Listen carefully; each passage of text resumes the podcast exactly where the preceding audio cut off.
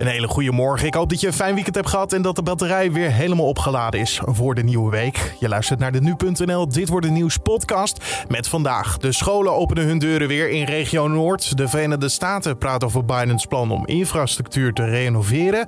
En Aruba komt weer met strengere regels tegen corona. Dat allemaal zo. Eerst kort het nieuws van nu. En mijn naam is Carne van der Brink. Het is vandaag maandag 23 augustus.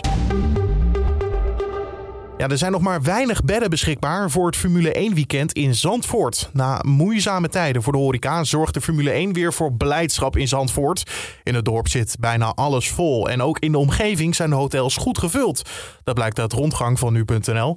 Wel krijgt een deel van de slaapplekken nog te maken met afzeggingen. Nou, dat komt omdat slechts twee derde van de mensen die een toegangskaart hebben gekocht ook maar daadwerkelijk mogen komen naar het evenement. Dat in verband met de coronamaatregelen. En weer records die worden verbroken in de huizenmarkt. Want huizen waren vorige maand 16% duurder dan een jaar eerder. Dat is de grootste stijging in ruim 20 jaar tijd. Dat blijkt uit cijfers van het CBS en het kadaster. En makelaarsvereniging NVM zei al dat kopers gemiddeld ruim 4 ton kwijt zijn voor een bestaande woning. Dat is de hoogste meting ooit. Kopers moeten vooral dieper in de buidel tasten voor een vrijstaand huis. En het dodental door de overstromingen in de Amerikaanse staat Tennessee is opgelopen tot 22. Door de tropische storm Henry viel er ruim 43 centimeter water, een nieuw record voor de zuidelijke staat. En veel mensen werden hierdoor overvallen. Huizen en andere gebouwen werden meegesleurd door het water. En ook elektriciteitspalen en wegen werden niet gespaard, waardoor veel inwoners van elkaar afgesneden raakten. Tientallen inwoners worden nog vermist. En 200 vluchtelingenkinderen dreigen door een nieuwe maatregel van de Immigratie- en Naturalisatiedienst zonder ouders op te groeien in Nederland. Dat schrijft NRC op basis van interne stukken.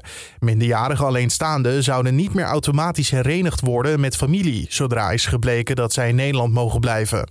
Daarmee willen ze een signaal afgeven dat het vooruitsturen van kinderen om zo asiel voor het hele gezin te krijgen niet loont. De maatregel zou volgens bronnen doorgedrukt zijn door demissionair staatssecretaris van Justitie Ankie Broekers tegen het advies van de IND-top in. En dan over naar de dag van vandaag, want wat staat er allemaal te gebeuren? Nou, de zomervakantie zit erop voor de scholieren in het noorden van het land.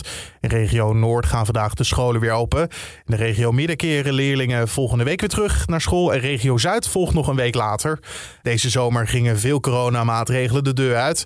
Wat betekent dat nu voor het onderwijs? En welk gevoel heerst er nu bij de leerkrachten nu de eerste kinderen weer in het lokaal komen te zitten? Collega Julien Dom sprak erover met Thijs Rovers, bestuurder bij de Algemene Onderwijsbond. Ja, ik denk dat, elke, dat ik voor elke leraar spreek als ik zeg dat we zin hebben om de kinderen weer te zien. Uh, dat we blij zijn dat we weer de klas in kunnen en dat we niet van achter een schermpje uh, les moeten gaan geven. Maar dat we echt weer gewoon uh, contact hebben met de kinderen. Dat is heel erg fijn. Maar natuurlijk spelen er ja, net als bij iedereen denk ik, gewoon nog steeds zorgen over het coronavirus.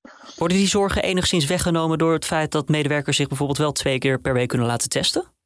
Ja, de, de, maatregelen zoals we die hadden uh, voor de vakantie blijven eigenlijk nog doorlopen na de vakantie. Wel met het verschil dat een groot deel van, uh, van de leraren en ander onderwijzend personeel een uh, vaccinatie heeft gehad of twee vaccinaties hebben gehad. Dus ze hoeven zich, als ze geheel gevaccineerd zijn, niet meer te laten testen. Die testen zijn overigens nog wel gewoon vrij op te vragen op scholen. Dus hè, heb je de behoefte om dat wel nog regelmatig te doen, dan kan dat zeker. Ja, en dat uh, is toch prettig om dat regelmatig nog even te doen.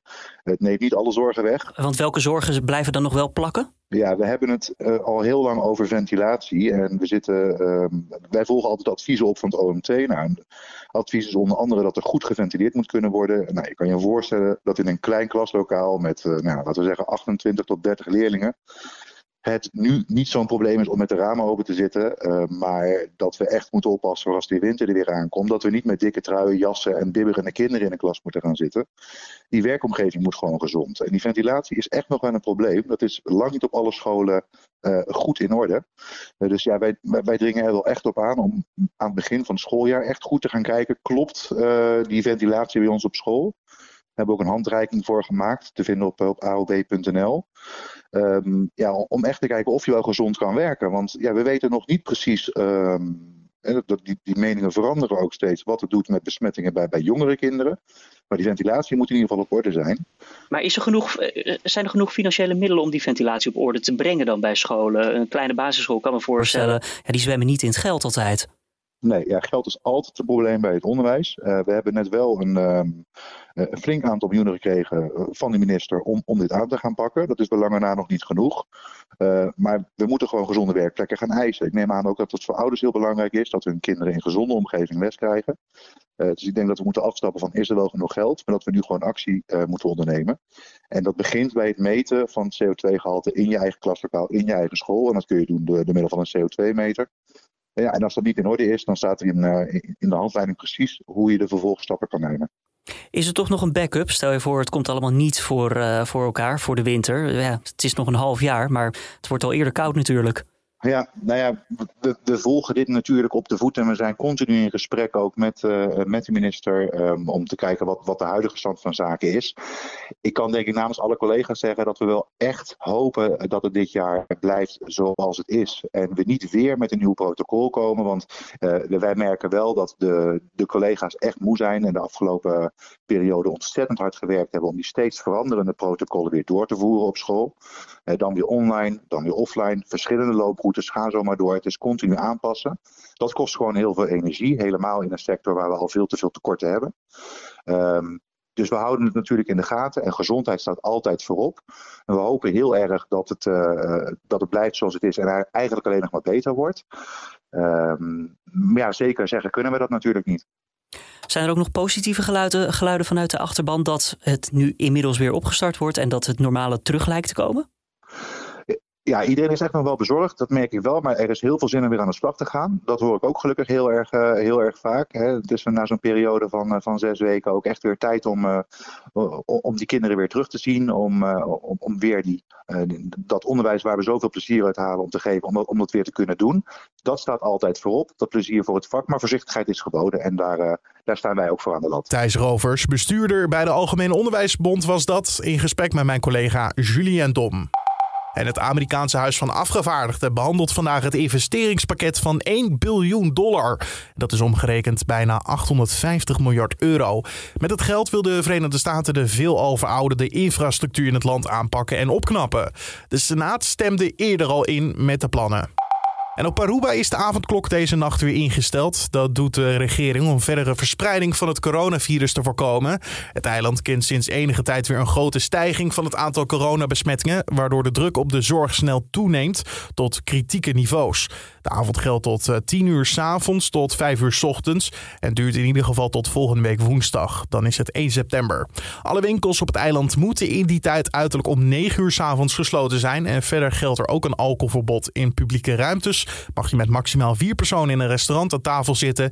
En is er een beperkte toegang tot bioscopen, winkels en kerken. Van de agenda over naar het weer van vandaag. Wat gaat het worden? We vragen het aan Alfred Snoek van Weerplaza. Vanmorgen komt er vooral in het oosten en zuiden van het land nog best veel bewolking voor. Heel lokaal valt er nog een spetterbuitje uit, maar verder blijft het vandaag droog. En is er vooral een hoofdrol weggelegd voor de zon, die vanmiddag ook wel afgewisseld wordt door stapelwolken. De wind waait uit noord- of noordoostelijke richting, is vanmiddag matig, kracht 3 tot 4. In het Wallengebied soms vrij krachtig, windkracht 5.